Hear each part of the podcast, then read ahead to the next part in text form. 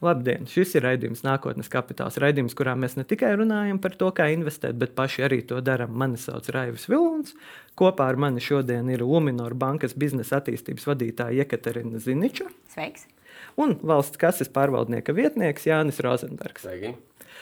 Pirms es došu vārdu mūsu viesiem, kuri pastāstīs par diviem ieguldījumu veidiem, kuri ir ar salīdzinoši tiešām mazu risku un ar savām priekšrocībām. Ja mēs salīdzinām, protams, ar akcijām un kriptovalūtām, ar ko mēs daudz runājam, es īsi pastāstīšu par to, kā man, Sebrobo investoram un Konstantīnam ir gājis.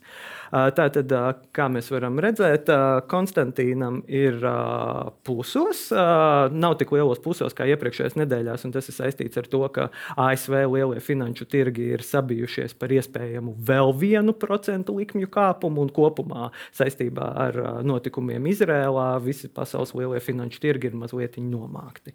Sebrobo investoram kopumā iet labi, mazliet sliktāk nekā iepriekš, ja salīdzinām ar iepriekšējiem periodiem, tādēļ, ka arī tieši tas pats ieguldot ETF-os, ETF atspoguļo tirgu vidējās emocijas, vidējās iekšējās sajūtas.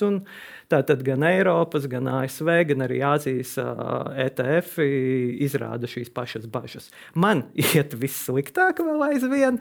Diemžēl Baltijas tirgu man ir tikai divas akcijas, kuras ir pozitīvas, ar pozitīvu peļņu, un kriptovalūtas, lai gan pēdējās nedēļas laikā ir mazliet atkopušās, vēl aizvien neuzrāda ne tuvu tik labu rezultātu, kā varētu gribēties. Tālāk.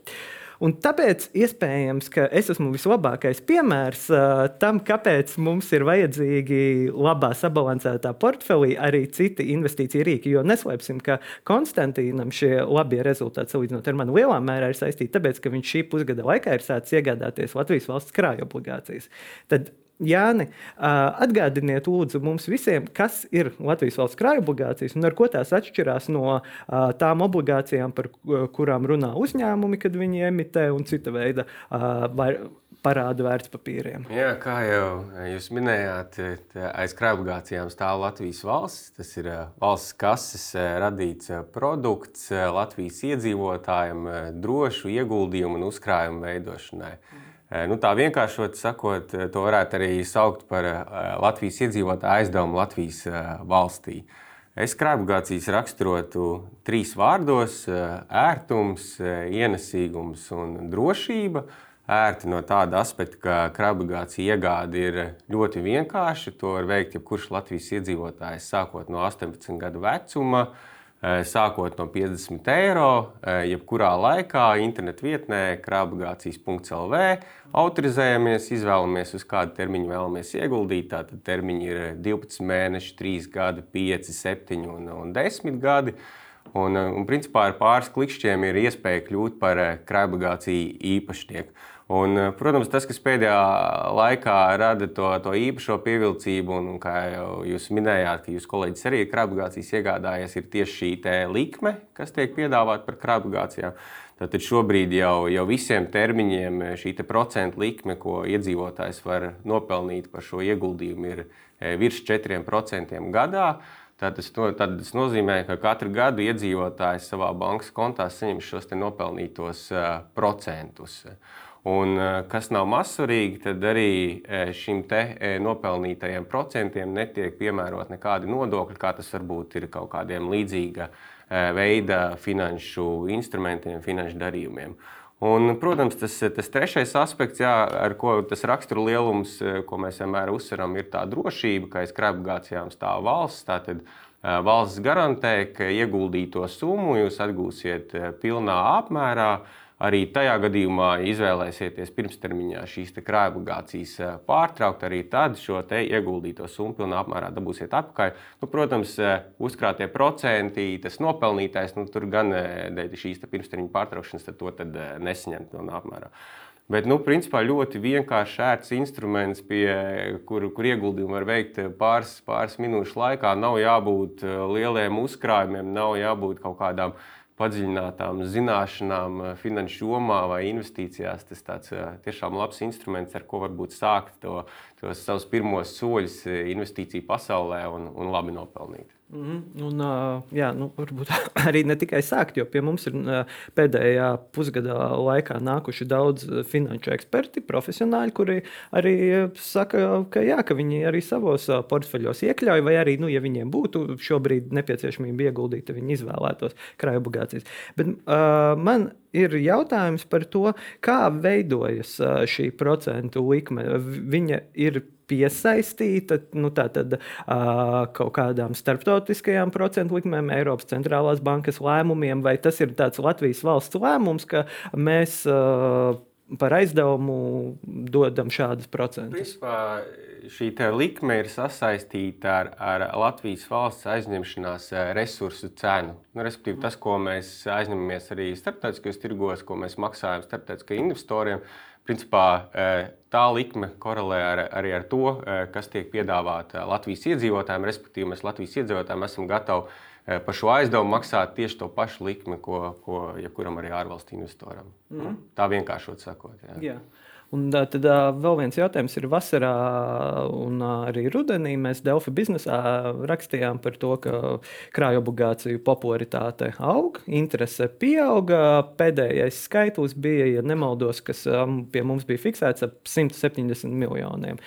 Pirms raidījuma jūs teicāt, ka mēs esam pārsnieguši, jūs esat pārsnieguši, vai mēs kā Latvijas valsts visi kopā esam pārsnieguši 200 miljonus Jā, tieši tā. Ja gada sākumā krājobligāciju, iegādāto krājobligāciju apjoms bija aptuveni 14 miljoni tikai, mm. tad šobrīd tie jau ir vairāk kā 214 miljoni. Tas pieaugums diezgan dramatisks. Tāpat arī, ja mēs skatāmies uz iedzīvotāju skaitu, kur īpašumā ir krājobligācijas, tad Ja gada sākumā tie bija 600, aptuveni 650 Latvijas iedzīvotāji, kuri kur bija iegādājušies krājobligācijas, tad šobrīd tie ir 6400, virs 6400 iedzīvotājiem. Tā, tā, nu, tā popularitāte aug ar, ar katru dienu, un, un īstenībā ir jau tāda, tāda, varētu teikt, stabilitāte iestājusies, ka katru dienu vidēji Latvijas iedzīvotāji krājobligācijās iegulda ap 1,3 miljoniem. Vai ir kaut kāds limits, cik Latvijas valsts būtu gatava aizņemties? Nu, ja popularitāte auga, diezgan mēs redzam, geometriska progresija ir. Un, kā mēs dzirdējām, arī vakardien Latvijas bankas rīkotajā diskusijā ir tas, ka Latvijas iedzīvotājiem ir diezgan daudz naudas, kura neko nedara. Tur cik bija 10 miljardi, ja nemaldos, tika minēts kā viens no skaitļiem. Tā tad vai ir limits tam, vai, vai proti tā ir nu, tāda kā Latvijas valsts valsts vēlme veicināt šo mūsu kapitāla tirgu un kaut kādā veidā izraisīt interesi, izglītot arī, kā mēs pagājušajā raidījumā, kad jūs viesojamies, runājam, vai tur tomēr ir nu, kaut kādi tie griezti un visus desmit miljardus? Nu, jā, protams, ka, ka mēs aizņemšanos Latvijas iedzīvotājiem salāgojam ar to savu aizņemšanās stratēģiju. Mēs arī skatāmies uz kādiem termiņiem, mēs aizņemamies cik, cik lielā apjomā. Bet es teiktu, ka šobrīd eh, nav, nav pamats bažām, ka, ka nezinu, kādā dienā kas varētu pateikt, ka viss mēs vairs eh, krājobligācijas nepiedāvāsim, jo, jo nu, katru gadu mēs starptautiskajos tirgos aizņemamies virs, virs pusotram miljardam. Nu, kā, tie, tie, līdz tiem grieztiem ir, ir vēl diezgan tālu. Jā. Jā, nu, tad, tad uh, desmit miljardi uh, potenciāli, ja sāks plūst, tad, tad būs jāpadomā nu, par to. Jāpadomā, Bet jā. pievēršoties mūsu otrai pusē, komercbankām. Uh, Visticamāk, ka Komercbankai nekad pat daudz nevarētu būt ieplūstošās naudas, ko iedzīvotāji varētu gribēt noguldīt. Uh, tad šī ir mana pārējā uh, par to uh, parunāties par otru pusi, otru piedāvājumu. Jo Ja pirms, piemēram, gada krājobligācijas nebija populāras absolūti, un pirms gada arī termiņu noguldījumi komercbankās bija ar ļoti mazām procentu likmēm. Es tagad no galvas neatcerēšos, varbūt jūs, Jekaterina, varat atcerēties, kādi bija šie cipari to laiku un pieminēt skatītājiem. Taču tagad šis procentu likmes ir diezgan tuvu. Mēs varam arī paskatīties, šeit ir četras lielākās bankas ar termiņu noguldījumiem. Mēs redzam, nu, ka bankas cenšas turēties apmēram ap to krāju obligāciju atdevi. Tad man arī šeit ir jautājums, vai tas ir nu, tāds apzināts uh, skatījums, jūs skatāties, ko dara Latvijas valsts, un uh, tad uh, mēģināt turēties tam līdzi, vai arī tur uh, ienāk kaut kādi citi nu, šie, uh, jautājumi un apsvērumi, cik tad jūs esat gatavi cilvēkiem procentos maksāt par uh, termiņu depozītiem. Es domāju, ar ko tad sākt? nu, tā sakiet, to, kādas bija likmes jūsu bankā pirms gada vai diviem? Jā, par to es esmu aizdomājusies. Starp citu, vakar un mēģināju atcerēties, kāds tad bija tas likmes. Un es atceros pēdējās kampaņas, kas bija Luminor banka. Tas bija 17. un 18. gads. Jā, un tur likmes bija, man liekas, kampaņas laika ap 1% eiro valūtai. Jā. Tā kā runājot par iepriekšējo gadu, es droši varu pateikt, ka likmes bija 0 nulle. Mm. Jā, tā kā bija nulle, un es domāju, nevienam nav pārsteigums, kāpēc. Jā. Jā, jā. Jā, tā kā, tā kā jau kādus septiņus gadus noteikti termiņu noguldījums vai kraikons, kas ir tādi vienkāršāki, varbūt, pirmie produkti, ko iedzīvotāji sāk izmantot uh, savā ikdienā, bija ar uh, nu, 0% likmi jā, mm jau gadiem.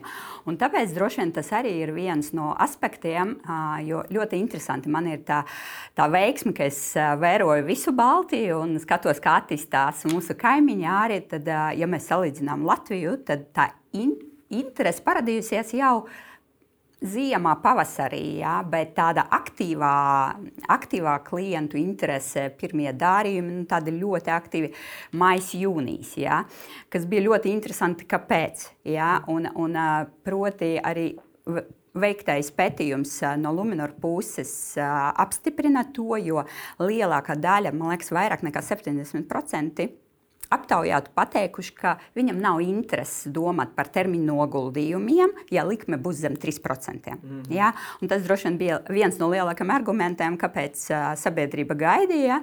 Un tagad, to, ko mēs novērojam, sakot ar māju vasaras laika, tā interese nav mazinājusies, ja? un, un uh, apjomi tik pieaug, ko klienti iegulda.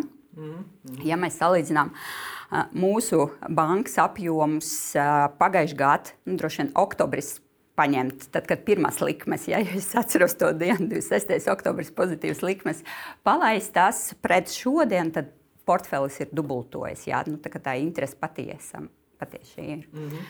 jā, un, atgriežoties pie cenošanas, tad eh, jā, man gribas pateikt, noteikti, noteikti krāja obligāts nav noteicējs vai tāds eh, nu, drivers eh, mūsu cenošanai.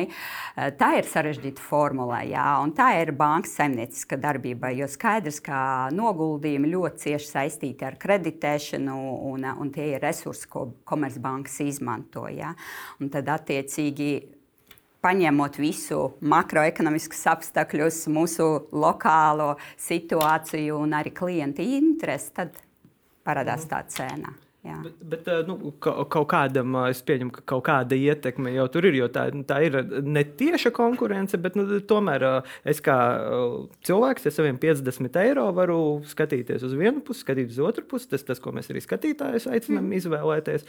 Un tad, protams, ir arī savi ērtumi. Pieņemsim, es esmu jau jūsu bankas klients, tad man tas varbūt internetbankā ir viens kaut kāds klikšķis. Bet es pieņemu, ka nu, tās kaut kādas ārējie faktori, ko jūs minējat, arī ietekmē un krājuma obligācijas ir viens no tiem droši vien. Es teiktu, tā, ka krājuma obligācijas tas ir viens no rikiem. Mm -hmm. ja, man, man pat negribas salīdzināt un pateikt, ka tas ir konkurējošs produkts. Ja, jo man gribās atgriezties pie personības. Ja, jo noteikti katram no mums ir savas iespējas, sava drosme, vēlme un, un, redzējums. Ja, un kā eh, tu pieminēji, ja noteikti viens grib redzēt savus uzkrājumus ja, vienu vietu, un tā būs internetbanka, un tad klients skatās, kā viņš var un kādas rīkus var izmantot.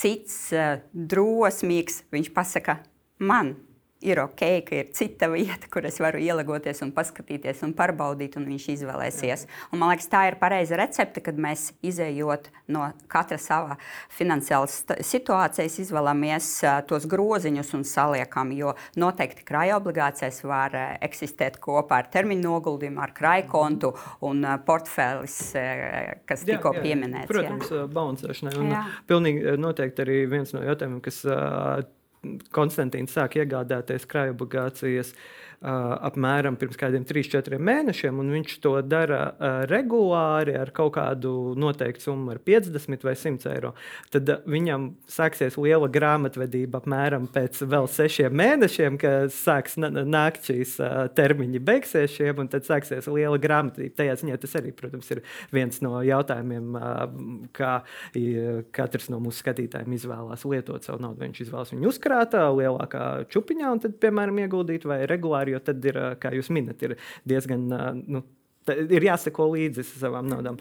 Bet uh, man ir tāds jautājums, kas es pieņemu, varētu arī skatītājiem un mūsu klausītājiem rasties. Ir, uh, tad es nopērku krājuma obligāciju, nu, tad es aizdodu naudu Latvijas valstī. Latvijas valsts uh, šo naudu savā ziņā varbūt kaut kā, nu, viņi atnāk pie manis, uh, piemēram, kaut kādās sociālos atbalstos, pensijās uh, un visā citā, ko Latvijas valsts mums dara, nu, būvē mūsu ceļus, ceļu mājas uh, un tā tālāk.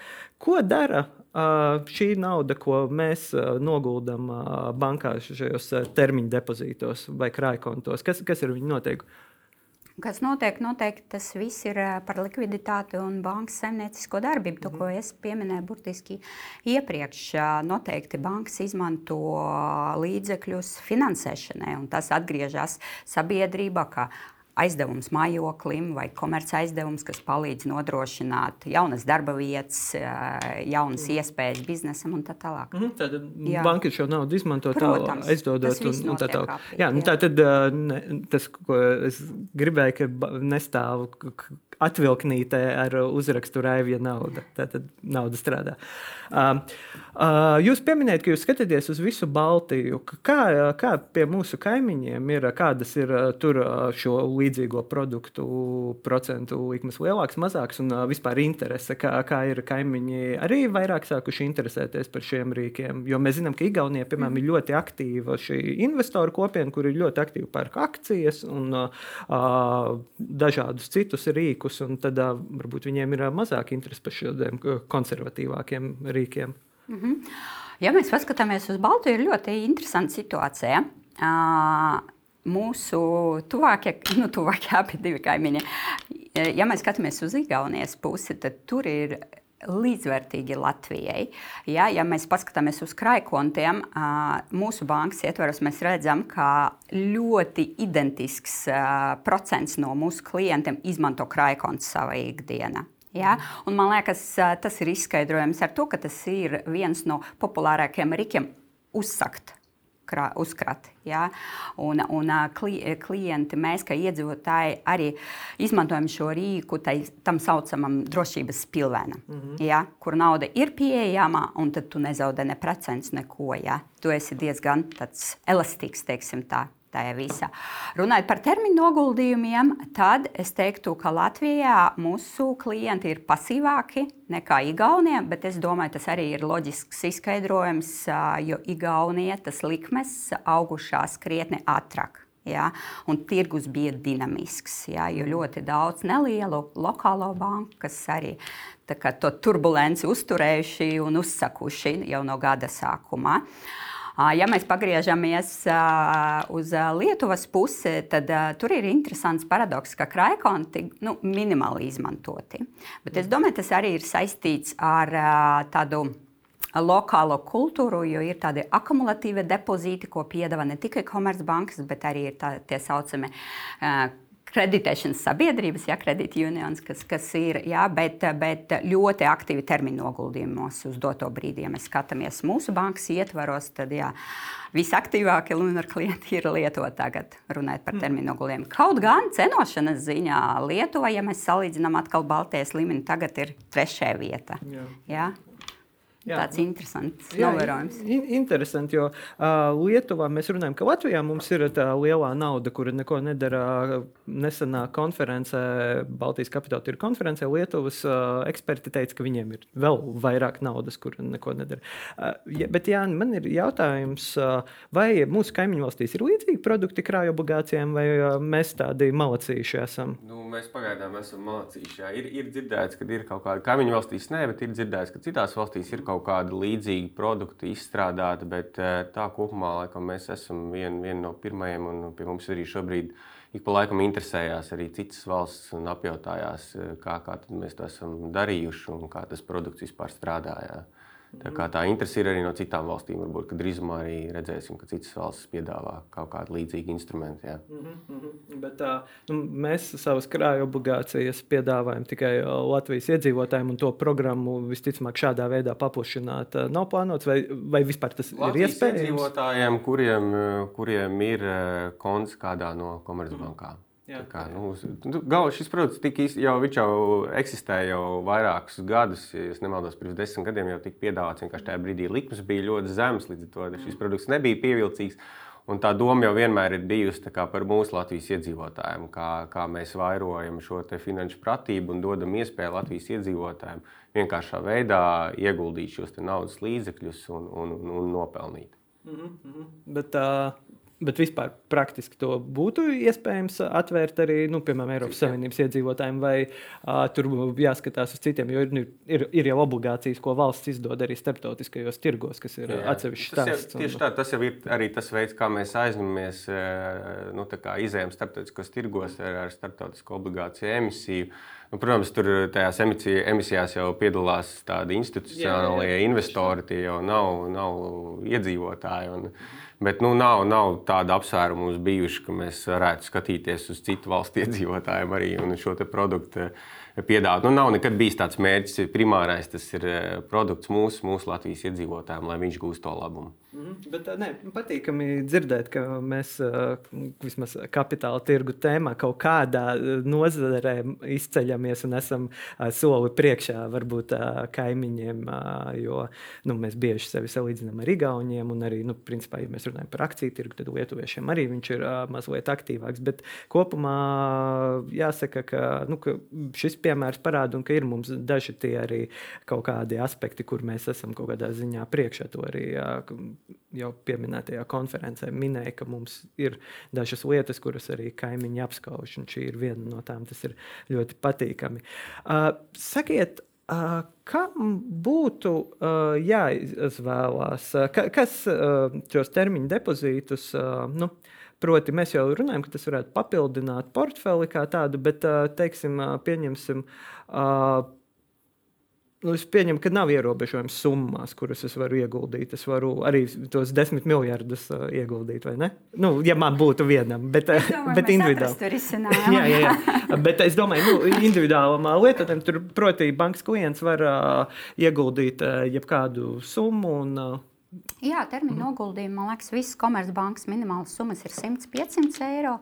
Jā, kad, kad tu vari uzsākt lietot to produktu un nav tādas maksimālas summas, jā, noteikti, kad runas iet par miljoniem, tad tur ir individuāla pieeja, jo ir svarīgi, lai klienti arī apzinās potenciālus riskus. Jā, jo mēs visi zinām, ka termiņa noguldījumiem un vispār noguldījumiem Komercbankas ir garantiju fonds no, no valsts. Jā, mm. un tad, attiecīgi, protams, mēs vēršam uzmanību un mūsu kolēģi citas bankas, kas 100 100 tūkstoši tā, tā ir tā summa. Ja? Un tad skatāmies tālāk, izējot no klienta vajadzībām, vai tiešām visu to naudu jāgulda termiņu noguldījumu, kad ir alternatīvas mm. attiecīgi vai ne. Diversifikācija. Nu, protams, un tad attiecīgi ir dažādas peļņas iespējas, jo termiņu noguldījums, jā, kaut kādā momentā mēs varam pateikt, ka 4% nav maz, un tā ir peļņa, kaut kāda ziņa, ja? bet tā pašā laikā, nu, vai tas, tā ir pietiekama peļņa vienmēr, ja? un tad, ja ir alternatīvi rīki, kas dot lielāku ienesīgumu, kāpēc gan ne? Mm -hmm. uh, sakiet, uh, Jānis minēja, ka tad, ja krājuma obligācijas mēs pirms uh, termiņa vēlamies atgūt ieguldīto naudu, tad nu, mēs nesaņemam šos procentus. Mm -hmm. kā, kā tas strādā ar noguldījumiem? Tā ir tāpat termiņa noguldījumi. Komercbankas ir līdzīgi, ja mēs runājam konkrēti par termiņa noguldījumiem, tad jā, līgumu var laust pirms termiņā, un tad klients nesaņems samaksātus procentus. Jā. Vienīgais, ka termiņa noguldījumiem ir divas iespējas. Man liekas, arī visas bankas, kad ter, uzkratus procents var saņemt termiņa beigās, ja, tad laužot, tu saņem uzreiz pamatsumu atpakaļ. Ir iespēja ar procentu periodisku izmaksu nu, reiz mēnesī, ja, tad klientam jārēķinas, ja tiek lausts līgums, tad tiek no pamatsummas tiek aprēķināti jau izmaksātie mm. procenti. Ja. Tas ir sarežģītāk. Bet tas ir tas pats stāsts atkal. Mm. Katram jāizvērtē sava vajadzība un savas iespējas, un noteikti varbūt termiņa noguldījums nav produkts. Uh, nu, ne pēdējai naudai, bet vienīgai naudai, ja mēs varam tā nosaukt. Jā, un jābūt tam drošības pilvenam, kur es zinu, ja, ja kaut kas notiek, tad es izmantošu. Bet termiņa noguldījums, krājobligācijas, citi produkti, kas ir uz ilgāko termiņu un negribas zaudēt, nu, tad attiecīgi mhm. summas, kas ir pāri tam. Un krājkons ir laba alternatīvā tiem, kuri strādā ar savu drošības pilvenu vai krāju, ja, jo tur tie procenti, tagad tie ir 2,5%, man liekas, arī ļoti labs procents, pieņemot, ka izņemot naudu, ja tu nezaudē un, un saņem procentus jebkura gadījumā. Jā, jā. Šeit jā. Uh, es arī esmu apkopojis. Un, uh, šeit ir arī no četrām uh, lielākajām bankām. Tad noguldījuma konti, krājuma konti. Kā, nu, katrai bankai ir arī vēl kaut kādi pievienotie, varbūt papildus mm -hmm. rīki. Nu, piemēram, uh, Svetbankai mēs šeit arī vēl kādai citai bankai ir šie nopaļošanas rīki. Jūs veicat maksājumu, tad uh, um, ir uh, kaut kāds papildus. Uh, Un, uh, sakiet, uh, šis ir tāds jautājums man uh, jums abiem. Uh, ta, tas, tas nav investīciju padoms. Es zinu, ka eksperti un cilvēki dažādos amatos ne, nevar un nevēlas dot investīciju padomus, un tas ir ļoti pareizi. Bet jautājums būtu par, ja mēs runājam par šiem rīkiem, ko jūs abi pārstāvat, ja jūs veidotu savu portfeli, cik lielu daļu procentos, piemēram, būtu no jūsu skata punkta ieteicams izman, ieguldīt šajos rīkos. Un, jūs arī, Jekaterina, pieminējāt, nu, ka, protams, ir citi rīki, ir, kas nes lielāku peļņu, bet tie arī ir riskantāki. Mēs arī varam manā Konstantīna portfelī redzēt, ka nu, nevienmēr rezultāts ir pozitīvs, vismaz ne īstermiņā. Uh, Jāni. Teiktu, tas ir atkarīgs no, no katra apetītes. Pirmkārt, cik ir, cik ir gatavs uzņemties kaut kādus zināmus riskus savā portfelī. Uh, es te, es, nu, nu, grūtā, grūtā pateikt, tieši tā kā Jekaterina jau minēja, galvenais jau arī jāsaprot, eh, lai, lai tev kā iedzīvotājiem pašam kaut kāds savs drošības spilvens, arī kaut kāda tā nauda, kurai tu jebkurā mirklī tiec klāt eh, kaut kādos krīzes apstākļos. Līdz ar to tas tādā veidā arī uz to savu portfeli droši vien vajadzētu skatīties. Nu, vai, vai tu ej uz kaut kādu sabalansētāku stratēģiju vai ne vai tomēr e, pieeja ar, ar, ar daudz lielāku risku. Un arī, protams, cik, tev, nu, cik ilgi esi gatavs to naudu savā ziņā arī iesaldēt tajā, tajā instrumentā. Teikšu, kā kolēģis Jānis Dombūrs, tā nav atbildes. Iekaterina. Bet, tē, es tiešām saprotu, un es vēlreiz skatītājiem uzsveru, ka katram ir tieši tāpat, kā mēs Konstantīnu runājam, katram ir jāpieņem savi lēmumi. Un, uh, tie nav investīcija padomi, mēs varam tikai runāt par piemēriem un modeļiem. Uh, tad uh, varbūt jums ir kāds ieteikums. No. Labi, mēģināsim atbildēt. no piramīdas, no vajadzību piramīdas, jā, nu, tad noteikti drošības pilvens, nu, 3-6 algas, jā, vi, vi, mm. visi finanšu eksperti pasaka, jā, pat ne algas, tā varētu būt ikmēneša izdevumi, kas ir vajadzīgi, jā, kaut kādam noteiktām. Un par šo nesen vienā WhatsApp grupā, kurā es esmu par finanšu jautājumu pacēlās diskusiju, ienākumi vai izdevumi būtu jātur? Uh... Nu, pareizāk jau domāt par izdevumiem un skatīties, kādi ir tie izdevumi, jā. Nu, tad, jā, 3-6 algas. Un tad, kas, viss, kas ir pāri, tad tur jau jāskatās. Ja? Un tad, eh, nu, teiksim tā, es uzdodu sev jautājumu, kādi ir mani mērķi, tuvāki mērķi. Vai man kaut kas plānots? Nezinu, mašīnas iegāde, bērna palaišana pirmajā klasē, Ziemassvētki kopā ar visu ģimeni vai atvaļinājums. Tas uzreiz parāda to laika nogriezni, cik ātri kāda nauda man būs nepieciešama. Tāpēc tas atkal ir jautājums par budžetēšanu. Ja, ļoti svarīgi ir laika pa laikam atskatīties, kas notiek manā makā. Ja? Un tad šis varētu būt. Šī varētu būt atbilde uz jautājumu, tad, kur tālāk. Nu, tad, tad, ja mēs runājam par noteiktiem termiņiem, tad plus termiņu noguldījumiem, ka tu vari sadalīt 3, 6 mēneši līdz gadam.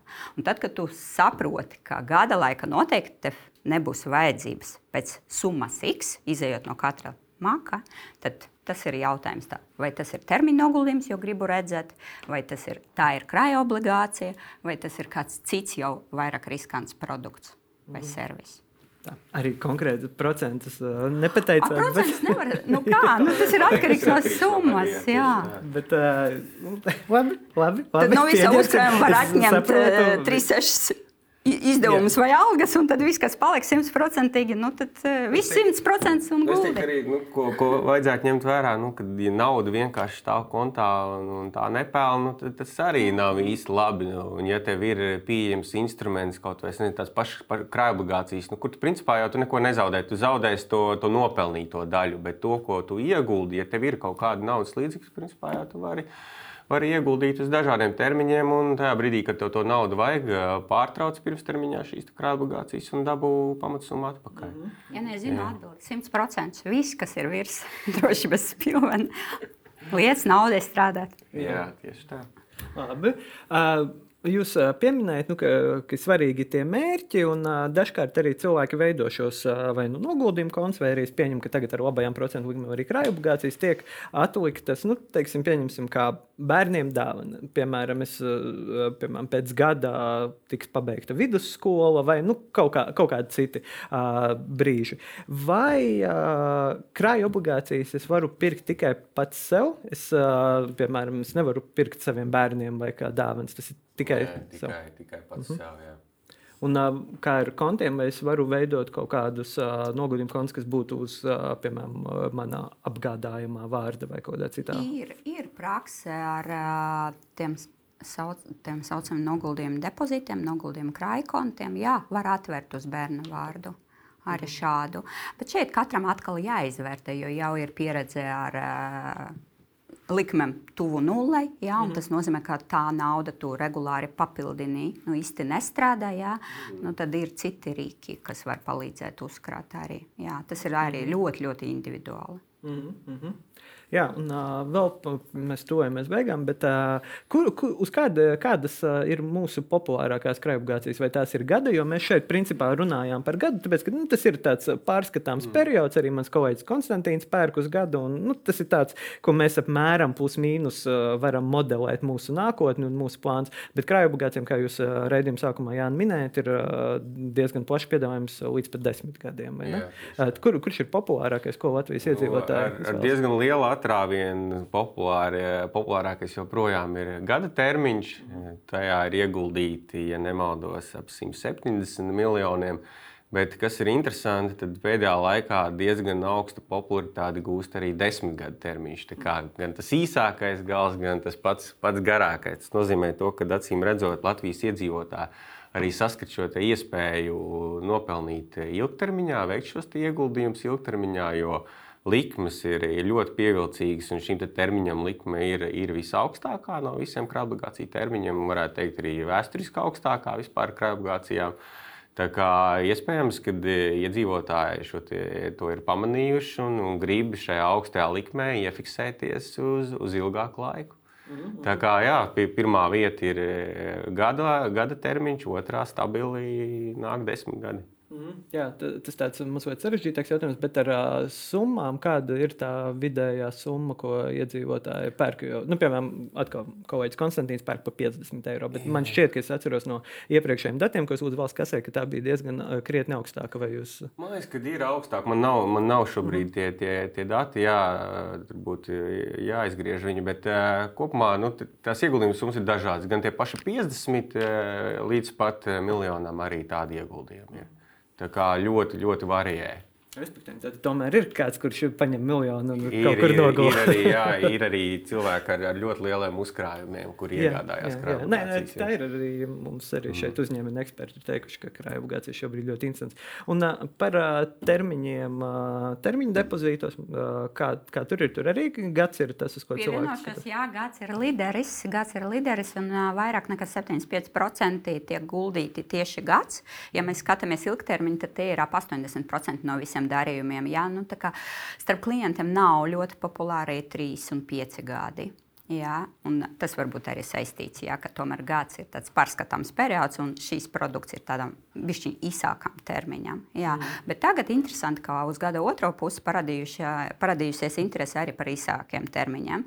Es domāju, tas varētu būt saistīts arī ar gada beigām, jā, jo ne visi zina un ne visi pārliecināti, ka nauda nebūs nepieciešama Pirmajā ceturksnī, jā, ja būs palielināta, piemēram, rēcina vai vēl kaut kas, vai ir kaut kas plānots, jā, tagad tā interese arī ir par tris un sešiem mēnešiem. -hmm. Es pieņemu, ka tas varētu būt kaut kādā veidā arī saistīts ar to, ka, nu, ja cilvēki seko līdzi, tad ir nu, tās runas, ka tas procentu likmes, ka, ko Eiropas centrālā banka nosaka, ir pietuvojušās nu, tam maksimumam. Tā, tā vismaz šobrīd izstāsta, ka vairāk nekāps, un tad varētu kaut kad, lai gan nu, eksperts saka, ka varbūt tur patiesībā nākamgad septembrī tikai varētu krist. Bet tad, ka varbūt ka tas kaut kādā veidā arī ietekmē, jo cilvēki vēlas varbūt nofiksēt, paspēt, lai gan arī gadu tad jau varētu varētu arī nofiksēt. Bet sakiet, ja uh, šīs lielās starptautiskās procentu likmes kritīs, vai arī uh, krāju obligāciju un uh, termiņu depozītu piedāvājuma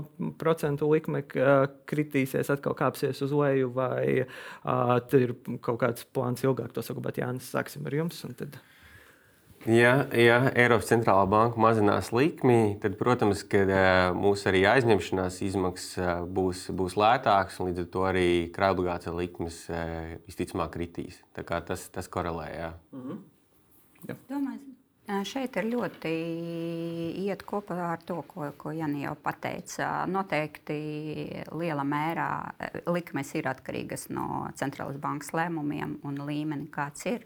Jā, bet tā pašā laikā, ja mēs runājam par komercbankām, tur atkal ir kāda ir tā zemnieciska darbība, kāda ir biznesa apetīte un, un kāda ir tā stratēģija. Mhm. Bet noteikti likmes būs elastīgas gan uz augšu, mhm. gan uz leju. Jā. Nu, to jāapzinās. Nu, jā. Jā, jā.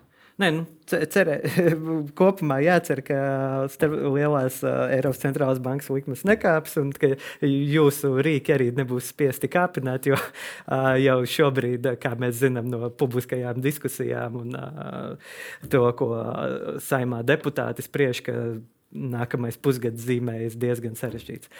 Labi. Es teikšu jums paldies, paldies par skaidrojumu. Es ceru, ka arī skatītājiem šis palīdzēja atcerēties, nu, ka mums ir pieejami citi rīki, ka uh, obligāti visa nauda nav jāgulda akcijās, uh, nav noteikti nevajag visu naudu guldīt kriptovalūtās. To, to, to, es, to es saku kā investīciju padomu. Nelieciet visu savu naudu kriptovalūtās. Ja jums rodas šaubas, paskatieties, kā iet manam portfelim. Un kopumā skatītājs aicināšu skatīties nākotnes kapitālu, klausīties Spotify un teikšu paldies Jānim Rozenbergam, valsts kases pārvaldnieka vietniekam un Jekaterinai Ziničai, Luminor bankas biznesa attīstības vadītājai. Paldies! Paldies, paldies. par uzaicinājumu!